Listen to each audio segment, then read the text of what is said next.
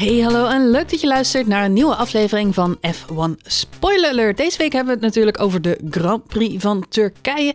Voor de tweede keer vreden. Voor de tweede keer in successie. In successie moet ik Ja. zeggen. Ja, dit is nog even inkomen Ja. met die nieuwe, nieuwe race. Nee, dat snap ik. Maar het was het de tweede keer in successie in dit geval. Ja. Het was eh, het glijbaantje. Dat konden we ons nog wel herinneren van eh, vorig jaar. Vorig jaar was er geen grip. Nee. Eh, dit jaar was er weliswaar meer grip, maar het begon te regenen. Dus dat zorgde weer voor een, ja, opnieuw eigenlijk een uitzonderlijke race. Ik heb daar vorig jaar volgens mij in de podcast ook eh, wel eh, een mening eh, over gehad. Ehm, ja, nee, we- Johan, ik denk dat we het vandaag maar gewoon ja, over moeten hebben. Over wederom een, een beetje een vreemde Grand Prix van Turkije. Het voelt altijd een beetje als de vreemde eend in de bijt. Heb jij dat ook? Maar ik noemde het gisteren de Grand Prix van Snurkije. Ook wel de, de Snurkies Grand Prix. Heb ik hem ook wel genoemd. De Het hashtag. was een ouderwets saaie race. Dat ben ik wel een beetje met je eens. Ja, Jij zei vintage. Vintage saai. Ja, ik, vond, ik kreeg een beetje nostalgische gevoelens bij. Want ik, het deed me denken aan de tijd dat alle Formule 1 races gewoon saai waren. ja, Er misschien was, wel. vroeger, er was vroeger, ja, je kreeg er altijd erg veel kritiek op van waarom krijg je, kijk je eh, Formule 1, dus toch geen klap aan. En het is inderdaad waar. Er zijn heel veel eh, Formule 1 races waarin niet zoveel gebeurt. En het, ja, het geeft ook wel aan dat, eh, dat we tot nu toe dit seizoen 2021 onwijs verwend zijn. Nou, jij zei dat terecht gisteren. Ik denk dat het tweeledig is. We zijn dit seizoen en vorig seizoen eh, en ook wel in de jaren daarvoor natuurlijk ontzettend verwend met een aantal spectaculaire races. Dit jaar, wat mij betreft, eh, volgens mij zei ik het ook in een van de show notes van onze vorige aflevering, als zelfs de, de, de normaal gesproken de Dommel Grand Prix, waar je een beetje het weg te dommelen, als zelfs die puntje van je stoel worden, hè? Barcelona en Frankrijk en, en, en nou ja, Sochi. Rusland. Ja, Rusland is een goed voorbeeld nog, hè? vrij recent. Als zelfs dat de Grand Prix zijn waarbij je op je puntje van je stoel gaat zitten, ja, dan moet je je afvragen wat er nog allemaal kan gebeuren in zo'n Formule 1 seizoen. Echter, en dat is natuurlijk wel een beetje nu, eh werd het wel duidelijk gisteren, er zijn gelukkig ook nog wel dit soort vintage momenten. Dat het eh, ja, gaat om de veiligheid en dat het gaat om de auto veilig naar huis rijden. Ja, en let wel, ik, ik heb daar geen eh, waardeoordeel bij. Want ik kijk eh, al een jaartje of 25 Formule 1. Dus ik, saaie races eh, horen er ook gewoon bij. En eh, het is een beetje, eh, ja, het is een beetje eh, een voetbalwedstrijd waar het 0-0 wordt. Weet je, je hebt wel gekeken en ehm, ja, was het interessant. Je hebt er zeker wel, weer wat van opgestoken. En eh, ja, ik moet zeggen, aan het eind van deze race werd het toch weer interessant. En, en ja, het gegeven dat het zo'n eh, ja, gekke weersomstandigheden waren. En ook natuurlijk een gekke baan. Want je, je hebt bepaalde. eh, ja, Omstandigheden? Ja. nou, nee, nee, je hebt bepaalde verwachtingen bij Oh, wat er gaat. Ja, gebeuren. ja. En het is natuurlijk wel vaker dat we op een nat circuit starten. Maar je gaat er dan vanuit dat een baan op een gegeven moment droog wordt. Ja. En dan krijg je dat interessante moment van wie gaat er over, wie gaat er nou over. En dat, en dat gebeurde niet. En het, het, het, een van de leukste momenten, momenten deze race vond ik het moment dat Sebastian Vettel dacht. What the heck? Ik zet Ja. gewoon eh, gele bandjes onder. Want eh, ik ben van de oude stempel. En eh, al die Formule 1 fans die zitten thuis te wachten tot het een keer kan. nou ja, die bewees dat dat helemaal niet kon. Nee, dus was- we we werden allemaal ongelijk bewezen. Het was ook echt al een rondje 34 of zo uit mijn hoofd inderdaad. Echt al heel vroeg. In ieder geval, in ieder geval echt veel. Het was heel fijn dat hij gewoon het op zich nam om even voor de televisiekijker duidelijk te maken dat het niet zo'n soort Nee. race was. Jongens, het is, het is, we hadden, ik zei daarvoor tegen jou, we hebben Bambi op het ijs. Dat is Daniel Ricciardo, dat was een soort Bambi op het ijs. Maar daarna zagen we de echte Bambi opstaan. Dat was Sebastian Vettel inderdaad. Die, nou ja, volgens mij kwam je al glibberend en glijdend de pitstraat uit. Ah, überhaupt. dus Overigens wel hulde hoor voor uh, Sebby Vettel dat hij dat überhaupt doet. Dat vind ik Nou, dan wel was- weer heel erg tof. hij was er zelf niet zo heel erg blij mee. Onderaan de streep. Nee, hij heeft de afloop wel excuses gemaakt. Maar ik moet ik blijf het gewoon tof vinden dat er coureurs zijn die, eh, Ja, ja, die Nee, lef zeker. hebben, maar ook die eigen initiatief nemen in de strategie. En dat pakt natuurlijk niet altijd goed uit. Daar gaan we het straks uitgebreid over hebben. Maar eh, Hamilton en, eh, en, eh, en ook Leclerc, die gaan gewoon aan het eind van de race behoorlijk de mist in. Eigenlijk omdat zowel Ferrari als eh, Mercedes eh, een soort van schietgebedjes met gekruiste vingers in de pitboxen zitten en denken op hoop van zegen. Ja. Misschien komt het goed. En het is een beetje de McLaren-strategie van twee weken geleden, die niet goed uitpakt. Nou, het was wel- had je kunnen weten. Ja. Maar ja, het was het, aan de andere kant, je moet ook waarderen dat die teams do or die doen. Leclerc hoopte potentieel die race eh, toch te kunnen winnen op Ja. een hele bizarre manier. En er zijn gekkere dingen gebeurd de afgelopen twee seizoenen. Dus Luister, de, de strategie was duidelijk voor Leclerc. Als het je lukt om Bottas achter je te houden, win je deze race. Nou ja, dat was heldere communicatie met het dat, team. dat, Ja. dat had zomaar gekund. Nou ja, en, en, en Lewis Hamilton, die, eh, ja, die, had, eh, die had een soort gelijkplan. Maar dan om dan in elk geval op een derde plek te komen. Maar goed, dat pakt allemaal niet goed uit. Voordat we verder gaan, Johan, eerst even een, een mea culpa, want ik moet toch even mijn excuses uh, maken. Ja, ik, zal, ik, zal, ik zet even de sauna aan, momentje. Ja, ja. ja ik zet, ja, pak, er, een, pak er een Heineken bij, want dat zijn toch tradities hè, in dit geval. Ja. ja. ik hoef die billen niet nog een keer te zien hoor. dat, uh... Nee, uh, ja, vooral als luisteraars, dit, dit zijn niet de beelden, maar dit zijn de beelden van Valtteri Bottas, hebben we het over. Ja, nee, ja. Vertel, ga eens even, ik, ik, ga, ik ga hier even voor achteroverleunen. Humble Jij pie. gaat hier even, Humble nou ja, pie. goed. Ik, uh, mm, ik heb begin uh, van dit seizoen uh, volgens mij al een paar keer geroepen. Zo'n beetje elke podcast, ja. Dat de heer Valtteri Bottas dit seizoen met geen mogelijkheid nog ooit meer een race zou mogen winnen van zijn team Mercedes. En dus Ja. dat ook niet ging doen. Nee, En wie schetst mijn verbazing dit weekend? Valtteri X.0. Valtteri wint een Grand Prix. En daar had hij ook wel even nodig volgens mij. Ja, hij zat er al op de A's inderdaad, ja. Het was al bijna een jaar geleden, hè, zijn laatste overwinning. Ja, het is lang geleden. Maar ik, ik had het niet zien aankomen. Aan de andere kant, eh, misschien had ik er een asterisk, asteriskje, asterisk... Je kunt doen het, een probeer het nog een keer. Wat een woord. Ik kun wel merken dat ik schrijf voor mijn Die ene- werk. en die niet, ene is- eh, niet... De ene is Obelix en die andere is... Dit soort dingen doet het altijd heel leuk in een tweet. Maar niet... eh, Goed, een sterretje. Een sterretje. Dit is goedkoop zeg. Beetje de devaluatie van onze podcast dit hoor. We gaan van een asterix gaan we naar een sterretje. Zo dames en heren, u keek naar RTL 4. Een We zappen, nu, obelixje. we zappen nu door naar SBS 6 dames en heren. Ehm, een sterretje, een obelixje. Een, een, een klein eh, kanttekeningetje moeten een, een maken. ja. ja, Ja. ja. Namelijk, eh, de enige race dat hij dan toch eh, had eh, kunnen winnen, was dan ook de race geweest waarin Lewis Hamilton zijn grid penalty pakt. Ja. Dus dat had ik misschien moeten toevoegen in al mijn eh, wijsheid. Taking one from the team is dat inderdaad. Ja, want dit was natuurlijk wel ehm, ja, een ondoenlijke taak om Hamilton op de een of andere manier nog, eh, nog naar voren te krijgen. En voor Valtteri Bottas. Dat was natuurlijk never nooit gelukt. Het is voor Mercedes ook schaken op meerdere borden. Dus dat geldt ook voor, eh voor Valtteri Bottas in dit geval. In- jij, ik, ga je, ik ga je een beetje tegemoet komen. Volgens mij zei jij heel terecht... eh, onder normale omstandigheden gaat Valtteri Bottas dit jaar geen race meer winnen. En dit was dit weekend natuurlijk een uitzonderlijke situatie... waarbij Valt, eh, Lewis Hamilton van achteraf moest komen. Eh, het is nooit aan de orde geweest. Maar we moeten ons wel afvragen... als Lewis Hamilton op plek 2 was komen te rijden aan het eind van de race... eh, en Max Verstappen had op P3 gereden. eh, hadden ze er dan voor gekozen om de jongens alsnog om te draaien? Eh, dat denk ik namelijk wel onderaan de streep. Om Als ze 1 en 2 waren gekomen. ja, dan denk ik dat ze dat Lewis zat, en, en, en Bottas hadden omgedraaid. Dus ik denk dat als het een andere situatie was geweest, waarbij inderdaad Lewis Hamilton wel up and coming was en richting die eh, P2, P3 eh, aan het rijden was, dan hadden ze misschien wel ervoor gekozen om Lewis eh, voor Bottas te laten eindigen. Alleen maar om een mannetje extra tussen hem en Verstappen in te hebben. Dus om jou een beetje tegemoet te komen. In een, in een normale situatie tussen quotes, waarbij eh, eh, Hamilton zich gewoon eh, mengt in het gevecht in de top 3, had hij deze race denk ik niet mogen winnen. En nu mocht hij hem wel winnen, want ja, als Verstappen nog een plekje was gestegen, ja, dan, dan was dat natuurlijk een probleem geweest. Even nog los van het feit dat Mercedes hier natuurlijk dit afgelopen weekend super dominant was. Dus ze moesten de overwinning gewoon meenemen, ook voor het constructeurskampioenschap. wat, wat de vraag doet reizen, was het een slimme keus van Mercedes om de grid penalty hier te pakken? Want juist dit circuit eh, bleek een echt Mercedes circuit. En ehm, ze gooien hier wel een hele bak punten uit het raam. Ja. Wat natuurlijk eh, hartstikke goed is voor, eh, voor team Red Bull. Nee, ik denk dat, eh, dat, dat Mercedes ook niet zo heel veel alternatieve opties eh, had. In het begin van de race een tijdje de, de rondetijden zitten volgen. Ergens had ik nog een halve verwachting dat Valtteri Bottas misschien het veld moest ophouden, gat klein houden. Dan kon Hamilton natuurlijk sneller eh, naar voren komen.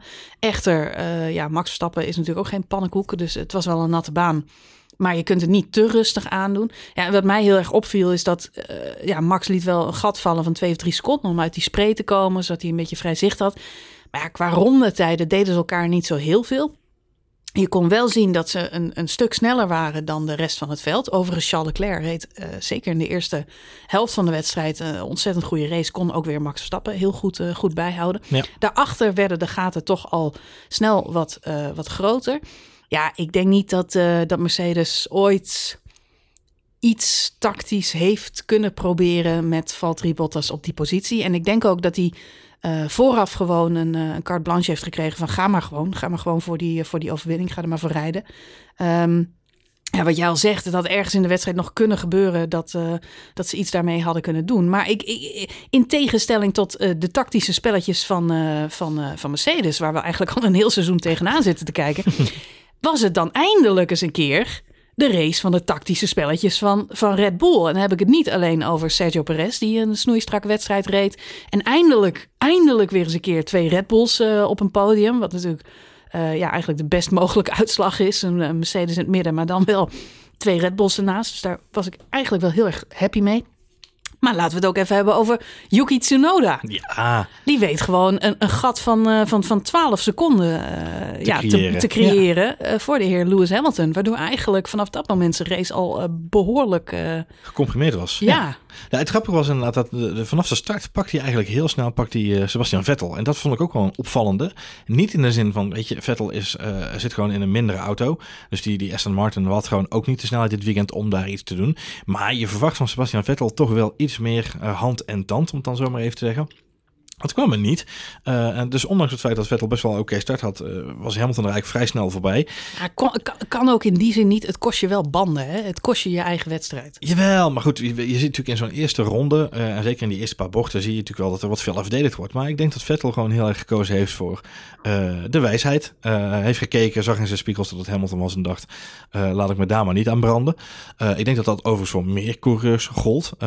met name ook Pierre Gasly en Lennon Norris ook deze week, hè, die gewoon net wat minder bij te zetten hebben. Uh, of qua vermogen of qua racesnelheid. En daardoor, wat mij betreft, in ieder geval de deur wat makkelijker openlieten.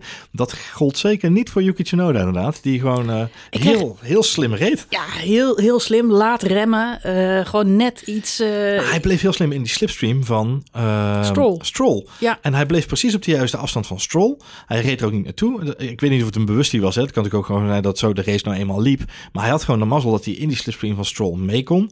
Ja, ik denk dat hij wel een hele duidelijke opdracht had gekregen van Helmut Marco. Wat denk jij? Ja, ik denk of hij was die ochtend opgestaan onder zijn, uh, zijn Red Bull eh, dekbedje. Ja. Die ongetwijfeld uh, met zich meeneemt. In zijn Alfa Tauri pyjamaatje. Ja. In zijn Alfa Tauri pyjamaatje. Ja, Yuki zo'n een kereltje. Maar goed, in, uh, in de auto is hij, een, is hij een beest. Maar hij is in elk geval met het goede been uit bed gestapt. En heeft gedacht, ik heb vandaag maar één taak. en dat is Lewis Hamilton zo lang mogelijk achter me houden. Ja. En man, wat heeft hij die taak goed uitgevoerd. Ja, absoluut. Hij kost hem wel zijn eigen wedstrijd. Het kost hem wel zijn eigen wedstrijd. Want het einde van de, of ergens midden in de race spint hij dan op een gegeven moment nog een keer. Omdat hij zijn banden zo enorm heeft over de klif heeft lopen jagen. Ja, ik al zeg, dat laten remmen en dat, ja, het, het kost hem zijn banden. Ja, maar het is uiteindelijk wel volgens mij zeven rondjes dat, uh, dat, dat Lewis Hamilton er voorbij kan bij Yuki Tsunoda. En dan is het gat op dat moment uh, al 17 seconden. Ja, bijna 20 bijna zelfs. 20 hij zit dan op 19 ja. seconden, dik 19 seconden. En dan, uh, ja, dan moet hij er nog een aantal, die zijn dan een stuk uh, minder makkelijk om in te halen. Hij moet Gasly voorbij, hij moet uh, Norris voorbij. En Stroll, uiteraard. Stroll. Ja, ja, nee, ja. Dus, dus. En dat, dat kost hem allemaal minder tijd. Maar wat interessant is om te zien, op dat moment in de app zie je dat dat gat van 19 seconden eigenlijk amper afneemt. Met andere woorden, hij haalt er wel een hoop in, Hamilton. Maar het gat op de kopgroep, Bottas en, uh, en Verstappen en op dat moment ook nog uh, uh, Leclerc, wordt niet meer kleiner. Nee. vanaf dat moment is het eigenlijk een gelopen race. Want ja, Lewis komt niet meer over die 17, 18 seconden heen. Uh, wat het gat met vooraan is. Nee, dat is het, het, het wonderlijke hiervan is natuurlijk de bandenstrategie. Die natuurlijk niet, nu niet, of eigenlijk geen strategie, maar de bandenkeuze die ze hadden. Die, het, waren de inters, verplicht natuurlijk. Um, je kunt er eigenlijk op twee manieren mee omgaan. En dat is ook hetgene wat we natuurlijk zagen aan de kop van het veld. Met name Bottas en, en Verstappen reden heel erg in management mode. Uh, niet te hard, niet te zacht. Zorgen dat ze de juiste snelheid hadden. Zorgen dat ze de natte lijnen af om de koeling goed op orde te houden. Uh, Charles Leclerc profiteerde daarvan. Echter, ook Charles Leclerc vroeg te veel van zijn banden om het bij te kunnen houden. Het leek heel erg of Charles Leclerc goed erbij kon blijven. En vooropgesteld, dat bleef hij ook. Hè. Hij bleef elke keer binnen 2 seconden, 2,5, 3 van max. Echter, dat deed hij wel ten koste van zijn banden. Uh, die sleet natuurlijk een heel stuk sneller. En dat zagen we eigenlijk in spiegel ook bij Lewis Hamilton. Die natuurlijk veel meer van zijn banden nodig had om vanaf P11 ja, naar uiteindelijk die P5 te komen. P6, P5. Uh, en daar te kunnen aansluiten. Ja, dat was een enorme slijtageslag. En dat zorgde ervoor dat die banden natuurlijk veel sneller sleten. want uiteindelijk zie je aan het einde van de race. Hè, en dat is dan na, die, na die tweede stint waarbij een merendeel van het veld toch, toch voor kiest om te wisselen. Zie je dat dan het het snelheidsverschil bijzonder hoog is. Absoluut. Nou ja, even kijkend naar de, je, jij noemt zelf al bandenstrategie. Er was eigenlijk geen bandenstrategie. Het was lange tijd... Een eh, pitstopstrategie. Wanneer gaan we? ja, het was, eh, het was een soort, ja, in, in veel opzichten een soort nostalgische ik, eh, Formule 1 race. Ik had een beetje flashbacks naar de, naar de 90s. Zeker op het moment dat mensen over eh, nulstoppers begonnen. Charles Leclerc natuurlijk als, als, als eerste. En later ook eh, eventueel Lewis Hamilton. Deden dat allebei eh, uiteindelijk niet. Nee. Nee, eh, er was wel degelijk een pitstopstrategie te plannen. Je kunt zeggen, die banden die hielden het redelijk goed vol. Op Inters hoef je niet per se te pitten. Wat er eigenlijk gebeurt is dat het profiel op een gegeven moment helemaal weg is. We hebben allemaal die band van Hamilton na afloop gezien. Norris die zegt het op een gegeven moment, geloof ik ook over de boordradio. Ik rijd nu gewoon op een soort slicks. Dus het gaat eigenlijk best lekker. Ehm, de vraag was even, ja, wat, wat, wat levert het op? En ook weer een interessant eh, ja, R&D-projectje, zou ik het bijna willen noemen, was natuurlijk eh, Daniel Ricciardo. Die Ja. als een van de aller, allereerste, nog voor de helft van de wedstrijd, naar binnen ging. Ronde 22, ja. Ook als een soort proefballonnetje. Eh, van, ja, ga maar eens kijken wat dat dan doet. Ja. Eh, waarvan ik gelijk tegen jou zei, nou ja, als je bij iemand kunt proberen, dan is het wel Daniel Ricciardo. Want die voelt zich helemaal niet thuis op Niet thuis een, eh, op een nat Nee, Formule 1 nee, nee, circuit. nee. Dat is niet zijn ding. Dat zag je al op zaterdag in de kwalificatie, waar, de, waar die wederom gewoon niet thuis was. Eh man heeft een race gewonnen, kan daar waarschijnlijk de rest van het seizoen nog op teren. Ja, wat, wat natuurlijk geweldig is. Alleen het, ik, ik vind wel dat Daniel Ricciardo gewoon nog steeds een heel slecht eh, seizoen draait. En ja, uiteraard in his defense. eh, de McLaren zal ook eh, ja, heel erg afgesteld zijn op, op de wensen van Lando Norris. En Nou ja, hij zal even moeten het inkomen. zal Ja. allemaal meespelen. Maar laten we wel wezen, een sterke regenrace heb ik van, van de heer Ricciardo nog niet zo heel vaak gezien. Dus, Nee, dus je weet van tevoren een beetje hoe dat, hoe dat zich gaat uitspelen. Dan moet ik wel zeggen dat die vroege pitstop, aanvankelijk dacht ik, wat ga je doen? Het, heeft, het levert helemaal niks op. Ehm, zijn rondetijden waren aanvankelijk eh, niet zo heel erg best. Ik moest erg lachen om, eh, om de boordradio van, eh, van Ferrari. Want die zaten ook mee te kijken Ja. met het proefballonnetje. Ik geloof dat Ricciardo nog niet één snelle sector had neergezet. Of het was al, het werkt niet, we gaan het niet doen. Zoals ze dat dan bij Ferrari zo mooi kunnen communiceren. Ik denk, nou, nou Ferrari, geef het een beetje tijd. Die man die rijdt net de pitstraat uit. Maar goed, ehm, het was wel waar.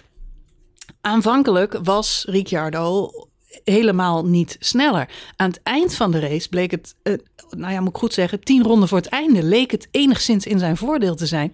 Eh, omdat zijn eh, nieuwe intermediates op dat moment eigenlijk weer die fijne slicks waren geworden. Ja. Waar, die je wilde hebben op dat punt. En Want de baan was toen alweer een stuk ro- droger. Dus het zag er eigenlijk even heel goed uit. Want hij kwam vanaf een kansloze 17e, 16e plek. Ja. Reed geen goede inhaalrace. In tegenstelling tot Carlos Sainz. Die gewoon bam Ja, door, het, veld heen klapte. naar, naar voren stoten. En terecht, denk ik, driver of the day is geworden. Geen, geen andere coureur zoveel plekken gewonnen Nee. in de race als Op- eh, op de Carlos baan ook, Sainz. hè? Ja, op de baan inderdaad. ja, dus eh, hartstikke goed. Nou ja, Ricciardo die, die kan dat gewoon niet nadoen. Dat is, eh, dat is natuurlijk teleurstellend.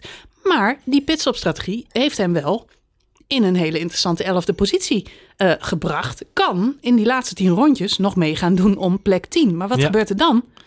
Bandjes zijn alweer op. Nieuwe drop-off. Ja, precies. Nieuwe drop-off. Dus eh, op dat moment zijn eigenlijk zijn vroege stop was heel even in zijn voordeel. Ja. Kwam ineens ja, de- eh, aan de top 10 en had eh, misschien nog punten kunnen pakken van McLaren. Aan de andere kant ja, toch weer te vroeg gegokt. En zo was het op heel veel fronten wel een interessante tactische race. Ik, denk- ik denk dat een heleboel teams op dat moment dat Ricciardo naar binnen ging, ronde 21, 22, ehm, nog op de gedachte hinkte, gaan we naar een twee-stopstrategie toe? Gaan we nog naar, eh, gaat het nog droog worden vandaag? Dat is eigenlijk Ja. de grootste hamvraag. Eh, niet Hamilton, maar de hamvraag. Ehm, eh, gaan we nog naar, naar droge banden toe? Want, en dat is ook de gok die ze volgens mij bij McLaren gemaakt hebben op het moment dat ze Ricciardo ronde 22 naar binnen haalden. Was met name bedoeld, kunnen we kijken, hè, als hij nu naar buiten rijdt. En ten eerste, wat doen ze rondetijden? Met een tweede, ja, hopelijk wordt het tegen die tijd dat het, hè, laatste kwart van de race, gaan we dan nog een stop maken met droge banden. Ik kan me niet anders voorstellen dan dat dat de achterliggende gedachte is geweest van McLaren op dat moment. Ehm, maar het vreemde van deze baan is, en, en dat, weet je, dat weet jij ook, is dat ze hebben natuurlijk die, vorig jaar hebben we nog meegemaakt dat ze met die personenauto's eroverheen aan het racen waren, omdat ze het net nieuw geasfalteerd hadden. En dat ze dus inderdaad grip aan het creëren waren. Rubber erop leggen. Dit jaar hadden ze de baan verruwd. Eh, wat als gevolg had dat eigenlijk die hele baan was een soort van eh, eh, zo'n soort ijsblokjesdoosje Ja, waar al het water in bleef liggen. Ja, com- compact. Het was te, eigenlijk Het was het asfalt te compact. Exact. Waardoor het, waardoor het water er niet incijpelde, zoals normaal het geval is. Dan krijg je van die droge sporen, van die bandensporen die droog zijn. Ja. Dat gebeurde op dit circuit niet. In plaats daarvan zag je eigenlijk het water continu omhoog Exact. Eh, sprayen en dan gewoon weer naar beneden vallen. De structuur van het asfalt zorgde ervoor dat het water omhoog kwam, dan weer naar beneden kwam. En het bleef liggen feitelijk. Er waren geen droge plekken. En op een gegeven moment Nee. ontstond er dan wel, na verloop van tijd, ontstaat natuurlijk altijd een droge rij- eh, lijn. Omdat je ze zo, ja, je rijdt het echt helemaal droog. Dus dat is op zich ook wel logisch op een gegeven moment. Maar wat je merkte is dat het heel lang gewoon echt nat bleef. Dus die inters waren een goede keus voor, eh voor Ricciardo op dat moment. En ja, inderdaad, richting dat, dat tweede de punt van die tweede drop-off, ja, daar ging het mis. Daar hadden ze gehoopt waarschijnlijk. Hè, volgens mij ronde, ronde eh, of 10, 12 voor het einde van de race, wordt hij ineens ingehaald door Giovinazzi en door Rijkonen. Eh, en dus in één keer is hij zijn snelheid kwijt. En volgens mij was dat ook het punt geweest waarop ze hadden gehoopt dat ergens in dat omveld, dat ze daar hadden kunnen wisselen naar slicks waarschijnlijk. Eh, dat is de gok geweest volgens mij die ze daar gemaakt hebben. Wat ik een, een raar scenario vond, was tien ronden later kwam Fernando Alonso binnen. Eh, toen regende het al wel een beetje. Toen was er al wat meldingen van regen links en rechts. Dus toen bleef het nog steeds een beetje druppelen. Maar ook Fernando Alonso kwam relatief vroeg eh, al naar binnen om weer nieuwe inters te gaan halen. Dus die was op ronde 30 volgens mij kwam die ook binnen. Hij was een van de eerste van de tweede stint eigenlijk die kwam. Eh, dus dat had ook volgens mij, als hij ook wat langer had gewacht, had hij er ook nog wat meer profijt van kunnen hebben. Ja, maar goed. eh Alonso's wedstrijd die was natuurlijk sowieso al bekeken. Ja, Eigenlijk in, in ronde 1. Ja. Wat ontzettend jammer is, want hij had de zesde plek gekwalificeerd. Hij is behoorlijk on fire, vind ik. Zeker in de kwalificaties. En toch in de race pakt het elke keer eh, slecht uit. Nu natuurlijk een, eh, een tikje van Gasly. Krijgt daar een eh, straf voor, Gasly. Zelf Ja. krijgt hij vervolgens ook een straf, omdat hij zelf een tikje uitdeelt. Ja, Ja, kansloos. Nou, en, kansloos beschadigd hoorde ik de achteraf Ja. pas inderdaad. Dus ja, dan is het gewoon, gewoon einde verhaal inderdaad. Goed, Jammer, wel jammer. Want ja, ik vind dat hij goed, goede terug, ja, nou ja, kijk wat hij... heeft. Jawel, hij heeft een dijk van een terugkeer. En wat je heel goed kunt zien aan, eh, aan Alonso is ehm, als, de, als hij een goede race had kunnen rijden, had ik hem graag, eh, had het misschien wel een dubbele puntfinish kunnen zijn voor, voor Overigens, Alpine. ik vind het wel soms een beetje dat eh, hij, had zelf een heel interview dit weekend dat hij het vervelend vindt dat er in de Formule 1 met twee maten wordt gemeten. Hij zegt, ik merkte, hij heeft ook al eens in een interview gezegd dat de Engelse coureurs altijd het voordeel van de twijfel krijgen. Zeker als er een Engelse titelkandidaat is zoals Hamilton, Mhm. Gaat daar automatisch alle aandacht naar uit. Hij zegt, Formule 1 is in de oorsprong een Engelse sport. Dus eh, ja, dat merk je gewoon. En dat heb ik Ja. zelf ook gemerkt toen ik als Spaanse coureur opkwam. Dat ik me daar eh, in moest vechten. Dus eh, er zit wel een hoop ja, vroeging. En, eh, ja, ik snap, ik snap deze, deze kwestie nog niet eh, helemaal. nee, nee, maar goed, er zit, er zit wel. En hij bedoelt het waarschijnlijk goed, want hij komt ook vaak voor Max Verstappen op. Eh, dit ging daar geloof ik ook over. Zo van ja, het is gewoon. Max is zal altijd hè, de, de minder interessante coureur zijn naast een Hamilton die voor de Engelsen toch de voorkeur geniet. Ja. Dus hij bedoelt het goed. Alleen, ehm, ja, er zit toch wel een hoop ja, rancune in. Dat, het- dat de, de wereld altijd boos op hem is. En, en, en ja. En, en- Ja, ik, ik, ik snap zijn, ik snap zijn eh, het feit dat er met twee maten wordt gemeten en hij is dan in Rusland, is hij die bocht is die in de eerste, in de eerste ronde, de eerste bocht heeft hij gelijk afgesneden om een punt te maken.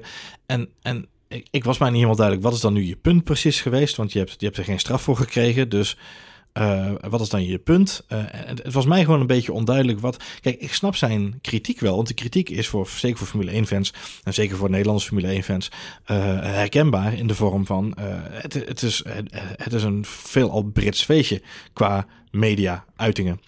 Er is veel Britse media. Eh, de Britse media is verantwoordelijk voor de uitzendingen van Formule 1 TV. Eh, er is veel aandacht voor de Britse wereldkampioen. Er zijn van, van oudsher natuurlijk veel Britten altijd in de Formule 1 actief. Dus ja, er hangt een sterk Brits, Brits karakter aan deze. Maar, en dat is een beetje wat hij wilde aanstippen. Dat, er, hè, dat daar dan met twee maten wordt gemeten. Alleen, ik snap het niet zo goed waarom hij daar dit weekend nog zo op terugkwam. Ik, ik, het was voor mij een beetje zo van... Hè? Eh, ja, dit, weekend was natuurlijk de aanleiding het feit dat hij in de openingsronde ja, in nu regelmatig buiten de baan schiet. Eh, Ja. Dat kennen we van Alonso. Eh, hij zoekt vaak eh, de track limits op. Tegenwoordig zijn er track limits. Ook hier geldt weer, hij is natuurlijk een beetje van de oude stempel, moet allemaal kunnen. Hij zei, ja, juist in het begin van het seizoen hield ik me keurig aan die, aan die track limits. Zag Ja. vervolgens Jan en Alleman eh in de openingsronde buiten die baan eh, duiken. Hij dacht, ja, Ja. hallo, eh, ik ben geen pannenkoek, dat ga ik dan ook maar doen. En prompt wordt hij erop aangesproken dat hij dat niet mag doen. Hm. Dat irriteert hem, dat begrijp ik op zich wel. Wat wel, ja, wat mij blijft opvallen is dat hij veel aandacht naar zich toe trekt. Het is natuurlijk ook, ook jammer. Hij kwalificeert hartstikke goed. Zesde plek, maar wordt uiteindelijk zestiende. Dat is gewoon teleurstellend. Ja. Eh, neemt hij daar zelf te veel risico? Zit hij, eh, hij zit ook weer na, naast Gasly. Gasly overigens geeft aan dat hij gesandwiched wordt. Had daar natuurlijk nog wel ruimte. Dus het was niet nodig dat deze tik er kwam. Ja, ehm, ja, er gaat een hoop aandacht naar uit. Aan de andere kant, even kijken naar... eh, ik, ik noemde net eh, Carlos Sainz. Die rijdt een ontzettend goede inhaalrace. Maakt zeven plekken goed. Natuurlijk ook eh, deels geholpen door, eh, door, door strategie. Maar twee coureurs waar we het hele weekend eigenlijk niks meer over gehoord hebben... zijn Kimi Räikkönen en Giovinazzi. Ja. Die eh, starten onderaan naast de Hazen... Ja, Maar die reden zichzelf wel mooi naar een elfde en een twaalfde plek. Stegen ook zeven plekken op de ranglijst. Heeft niemand het over. nee, nee. En dat is ook een prestatie waar je best Dat is, dat is, dat is, nou ja, de vraag is een beetje, wat is indrukwekkender? Ik bedoel, Alonso kwalificeert zich eigenlijk altijd in de top 10 de laatste tijd. Het is gewoon een kwalificatiebeest, hartstikke goed. Ja. Iemand als Kimi Räikkönen en trouwens ook Giovinazzi zijn geen... eh nou ja, Giovinazzi hebben we een paar keer gezien. Trouwens een hele goede eh, kwalificatie. Kimi af en toe ook wel. Maar in de basis zitten zij altijd eh, onderin bij de start. Maar weten zich in een wedstrijd juist altijd weer goed naar voren te rijden. Vorige race in, in Rusland zagen we nog met, eh, met de juiste keus voor, eh, voor andere banden op het precies het goede moment. Ja, het is toch wel.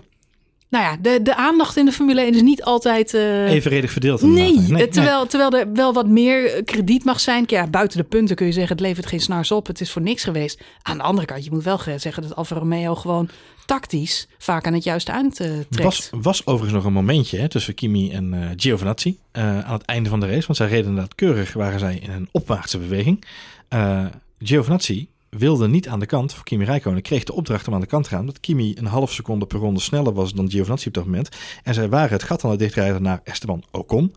Ehm, dus er waren nog punten up for grabs. Ja, sterker nog, op de, op, de, op de finishlijn was het gat geloof ik eh, een halve seconde of zo. ja, ja. Dus Giovinazzi had nog bijna dat ene punt eh, binnengesleept. Ja, ja maar de, de- vraag is dus nu, en dat is hetgeen wat Kimi zich ook afvroeg, eh, al zou het in iets mindere bewoordingen dan ik het nu ga stellen, want waarschijnlijk zal Kimi hebben gezegd, boah.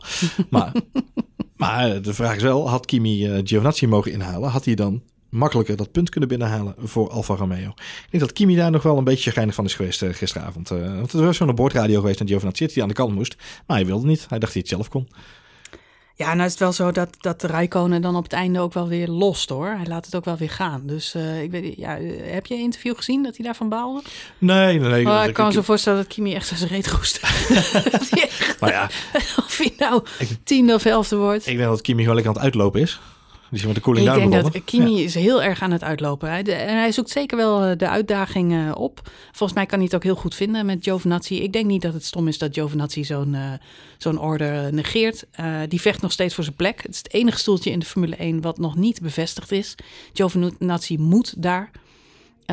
En ja, op, op, op, op 17e geloof ik pakt hij daar bijna de tiende plek. Ja, het is Ja. jammer dat hij het niet gedaan heeft. Want dan, eh, ja, dan was dat stoeltje misschien toch weer ietsje dichterbij geweest voor. Ja, ik weet het niet. Ik vind het lastig. Bij, eh, rondom Sauber, eh, hè, natuurlijk het moederbedrijf of het moederteam achter Alfa Romeo, is natuurlijk veel onrust op dit moment. In de positieve zin misschien wel, want daar is de, Michael Andretti natuurlijk druk bezig om te zorgen dat hij het team kan gaan overnemen.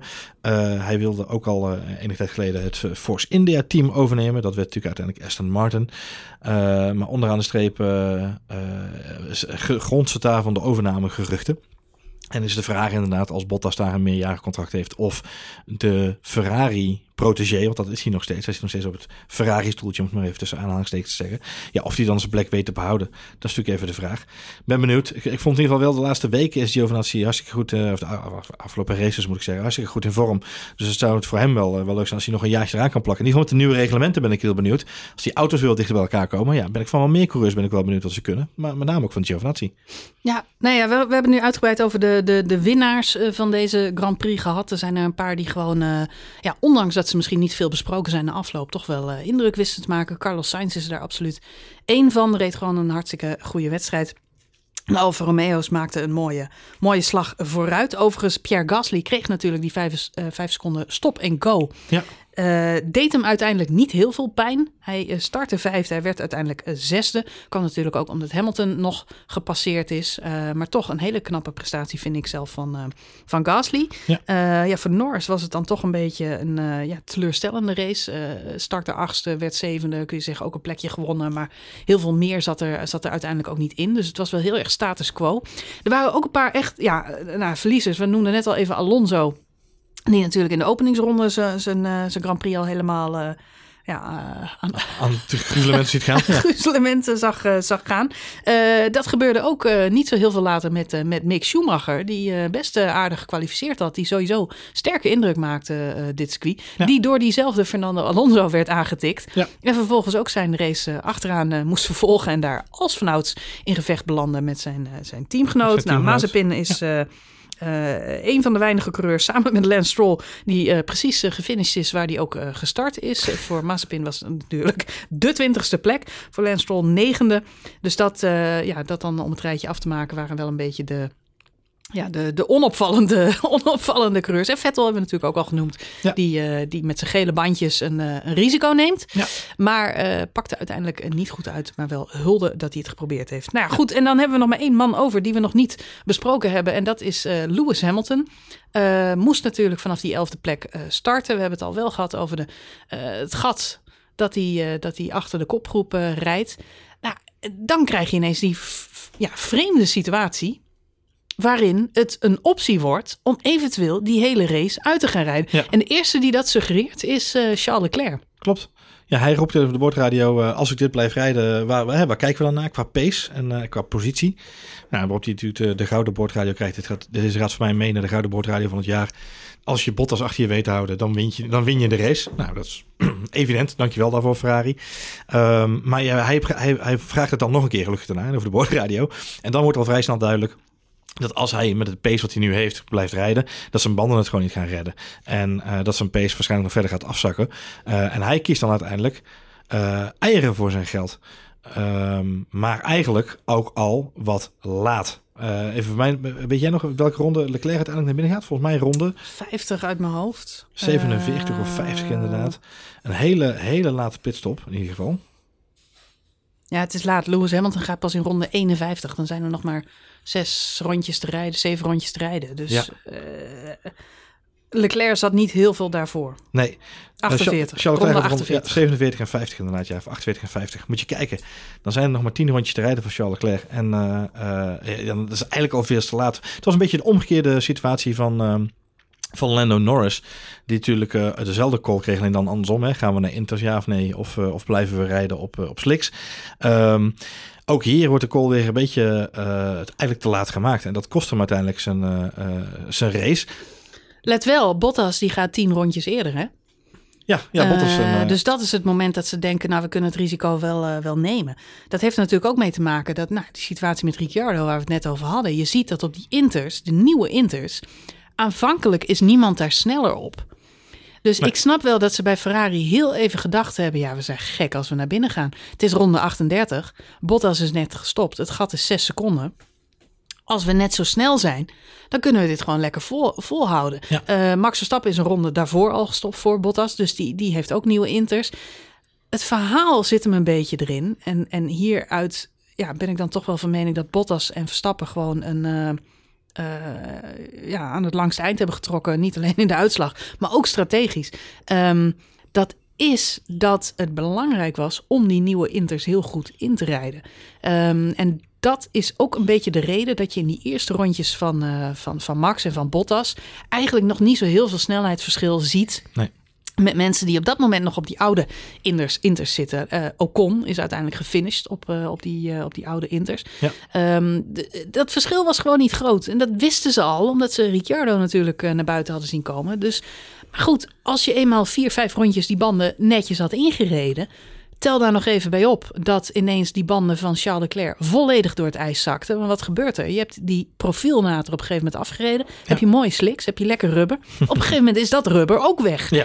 En dan zit je op een compound, dan zit je op een... Oh, karkas, ja. Ja, ja een materiaal, een materiaal wat gewoon helemaal niks meer kan. Plus, uh, dat weten ze in de pitbox uh, direct. Dat zien ze namelijk aan de temperatuur van de banden. Want die is weg. Op het moment dat dat gebeurt do- dropt die temperatuur. En dan Ja. is het eigenlijk, nou, het is niet zo eh, vergelijkbaar als met, eh met Lando Norris in, eh, in Rusland. Die natuurlijk ineens in de regen begint te sliden all over the place. Ja. Maar vergelijk het daar maar mee. Het is vanaf dat moment, Evident. ja, je kunt niet met je rondetijden neerzetten die je, je verliest 4, 5 seconden per ronde. Ja. Dus op dat moment zit je ineens aan te kijken, niet naar een strategisch masterplan en misschien kunnen we op het podium komen. Op dat moment is het gewoon, kunnen we überhaupt de race nog finishen? Kunnen we blijven leven? Ja, en precies. dat is precies wat Leclerc overkwam. En niet heel veel later overkomt Lewis Hamilton precies hetzelfde.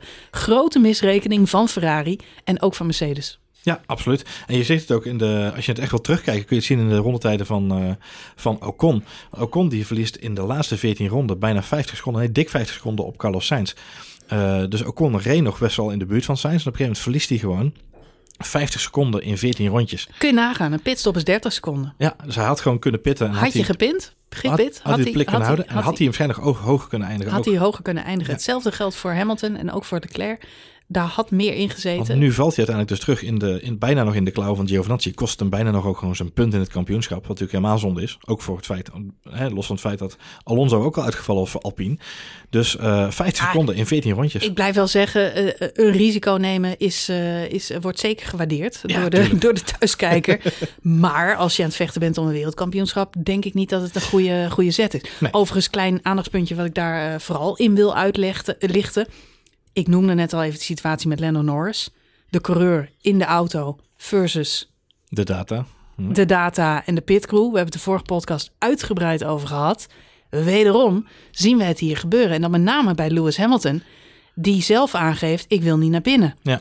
Mensen laten hem nog een ronde buiten rijden. Had hij wel die ronde naar binnen gegaan, had er misschien nog een plek 4 in gezet. Ja. En misschien nog wel meer dan dat.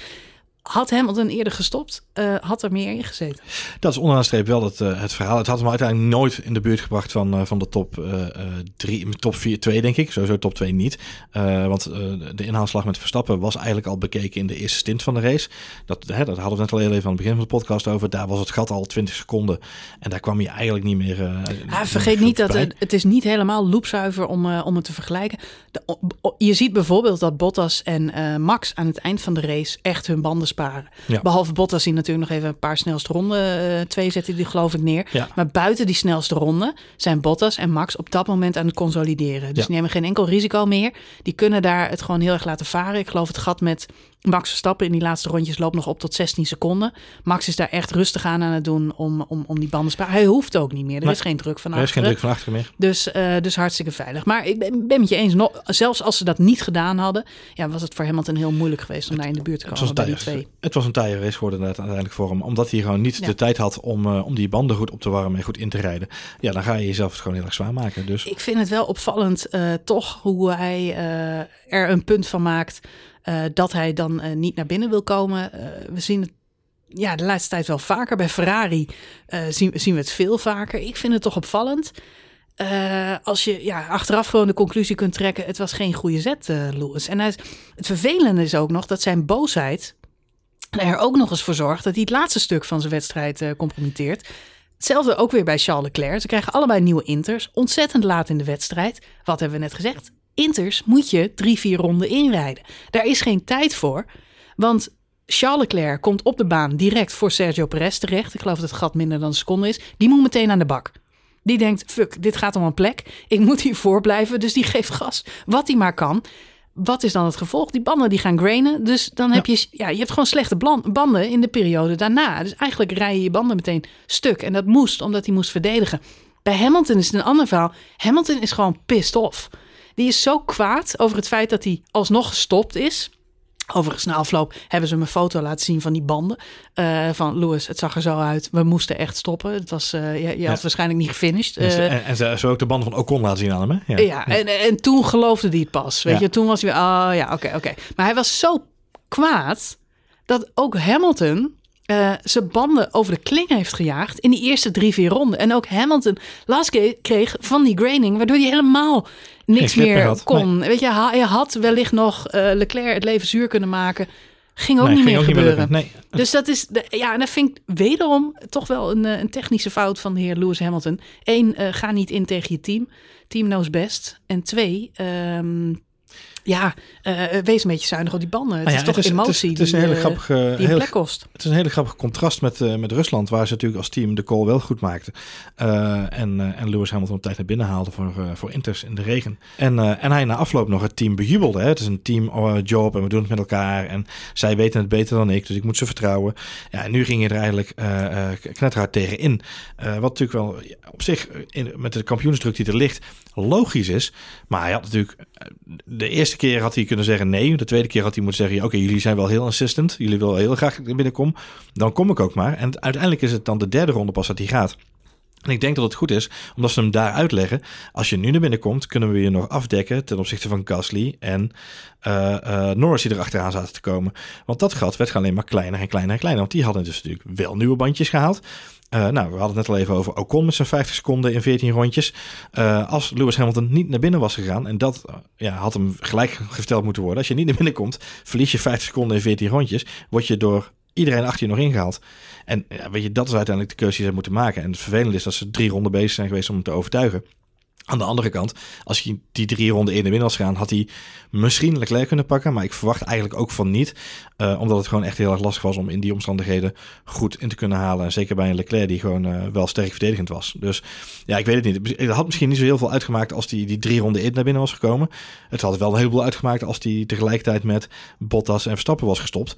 En gewoon op hetzelfde setje in had gereden. Dan, dan was het speelveld heel anders geweest eh, in deze Ja, fase. en begrijp me niet verkeerd. Het is, een, het is een onhandige keuze, maar die keuze die openbaarde zich ook pas op het moment dat eh, Leclerc en Hamilton uiteindelijk gestopt zijn. Het leek heel even alsof het daadwerkelijk niks uitmaakte en je Ja. gewoon op die intermediates naar het einde toe kon. En ineens zien zij die drop-off. Ineens zagen zij die rondetijden inzakken. En dat is het moment dat ze bij Ferrari de call maakten. En ook het moment dat ze bij Mercedes de call maakten. Hamilton plakt daar helaas een extra ronde aan vast. Dat kost hem tijd. Ehm, was hij niet gestopt, dan was het zeer de vraag geweest of de banden het überhaupt hadden volgehouden tot het einde. Was de kans groot geweest dat er ja, iets ontploft was. En wat jij al zegt, dat hij nog van achteren was, eh, was ingehaald. Eh, ik, eh, ik heb eh, ondanks de, de, de slaapverwekkende momenten in de eerste helft van de, van de race toch wel erg genoten van de ontknoping. Het speelt natuurlijk mee dat het toch eigenlijk een heel succesvol weekend voor Honda was, al met al. Mooie witte livery. Eh, ja, goed, eh, goede, goede performance vond ik van de beide Alfa Tauris. Gasly natuurlijk met een mooie eindpositie. En, eh en Yuki Tsunoda met gewoon fantastische racecraft. Dus zeker van genoten. En laten we Perez niet vergeten, die zichzelf van een zevende plek, zevende plek, ja, naar Ja. het podium Nou, rijdt. podium breed te rijden. Ja, nou ja, goed gedaan. Dus hartstikke knap. Ja. Goed, we gaan naar Amerika. Ja, tenminste wij niet, Nee. helaas. Maar, maar het Formule 1 circus wel. Dat is dan over twee weken. Dan komt de Grand Prix van Austin, Texas. Ik mag toch hopen dat het daar droog is. Door de bank genomen is het dat daar. Ik Ja. ben er vaak geweest. Deze En, eh, periode is, wel eh, inderdaad, ja. ja. Het is meestal eh, erg lekker weer. Vanaf, eh, vanaf zo'n medio maart. eh, echt, wordt het ja, het beter. Ja. kan ook wel regenen daar hoor. Nou ja, in de periode maart, eh, voorjaar kan het daar nog wel behoorlijk plensen inderdaad. Dus Ja, het je weet het niet. niet. Ja, het is op zich wel lekker dat we nu naar al die tropische bestemmingen gaan, toch? Nou ja, dat is op zich goed Mexico? inderdaad. In ieder geval, ja, Mexico, Brazilië. Wat, wat in Amerika een dingetje is, is dat het asfalt nog vernieuwd gaat worden. Dus daar gaan ze nog een aantal correcties doorvoeren. Twee weken geleden, vorig, ja, twee weken geleden, was daar het MotoGP weekend. Eh, op het Circuit of the Americas. En eh, daar waren al een heleboel hobbels en bobbels en andere zaken. Eh, ook in 2019 klaagde onder andere Max Verstappen daar al over dat hij gelanceerd werd in de auto af en toe. Ehm, maar ook met de MotoGP is er zelfs nog door de coureurs, de motorcoureurs gedreigd met een boycott van de race. in aanloop naar het weekend, omdat ze gewoon een, een trainingsrondje hadden gereden. En geloof in de training alleen al gingen er drie of vier onderuit. Ehm, omdat het zo hobbelig en bobbelig was door alle verzakkingen in, de, in het Texaanse landschap. Dat ze besloten hebben om eh, voor het Formule 1 circuit, eh, circus nog wat, eh, wat aanpassingen te maken aan het, eh, aan het asfalt. Dus ik hoop, fingers crossed, dat ze het een beetje met liefde en respect doen. En dat we niet naar een soort tweede glijbaantje gaan zoals vorig jaar in Turkije, waar natuurlijk ook net alles vernieuwd was. Eh, dus ik hoop dat ze een beetje hebben gekeken naar Zandvoort, hoe je dat eh, goed doet. Een asfaltje vernieuwen. Ik ben heel benieuwd. Het ziet er op tv zo, eh, zo strak uit, juist Austin. Met Nou, al die uitloopstroken. Stroken. ja, En als je goed, goed. als je goed kijkt, dan zie je als je goed kijkt, ja. is het één grote ik, ik zat, ik zat, bende. Ik zat toevallig gisteravond, zag ik dit voorbij komen, toen ik even de foto's te kijken van 2019 inderdaad. En dan zie je de, de foto's van de Red Bull die zo half met één wiel in de lucht hangt, eh, omdat die gelanceerd wordt over een of andere hobbel in bocht 1. Het is eh, een behoorlijke humpy Het heeft bumpy. natuurlijk ook met eh, ontzettende droogte te maken daar, hè? In, eh, in die Ja, streek. droogte en dus inderdaad heel veel regen. In Ja. het voorjaar kan het echt behoorlijk plensen. Uh, en dan is het inderdaad in de zomers heel droog en in de winters weer heel koud. Uh, dus de omstandigheden daar qua weer zorgen voor veel verzakkingen. Uh, ja. dat, dat zie je natuurlijk ook als wij, wij zijn regelmatig in downtown Austin geweest. waar natuurlijk ook veel wegwerken Waar alles zijn. op instorten staat. Ja, ja. klopt. ja, nee, absoluut waar. goed, we gaan afronden deze, deze podcast. dat is trouwens helemaal niet waar. We gaan afronden deze podcast. We gaan afronden deze podcast. Oké, okay, dankjewel, dankjewel Joda. We gaan afronden deze podcast. Deze podcast afronden wij gaan. luisteren, jullie gaan. Luisteren gaan jullie zeker, maar dan pas weer over twee weken. Want dan zijn we er weer met uh, de Grand Prix van Amerika. Leuk om daar weer uh, uh, ja, naar te kunnen kijken, naar een jaar af, afwezigheid. En daarna komt ook nog Mexico, dus ik heb er echt wel zin in dit, dit najaar. En dan zo langzamerhand gaat ook bekend worden wie het wereldkampioenschap naar zich toe gaat trekken. Ik, uh, ja, ik blijf erbij. Dit is misschien wel een van de mooiste en leukste en tofste Formule 1 seizoens tot nu toe.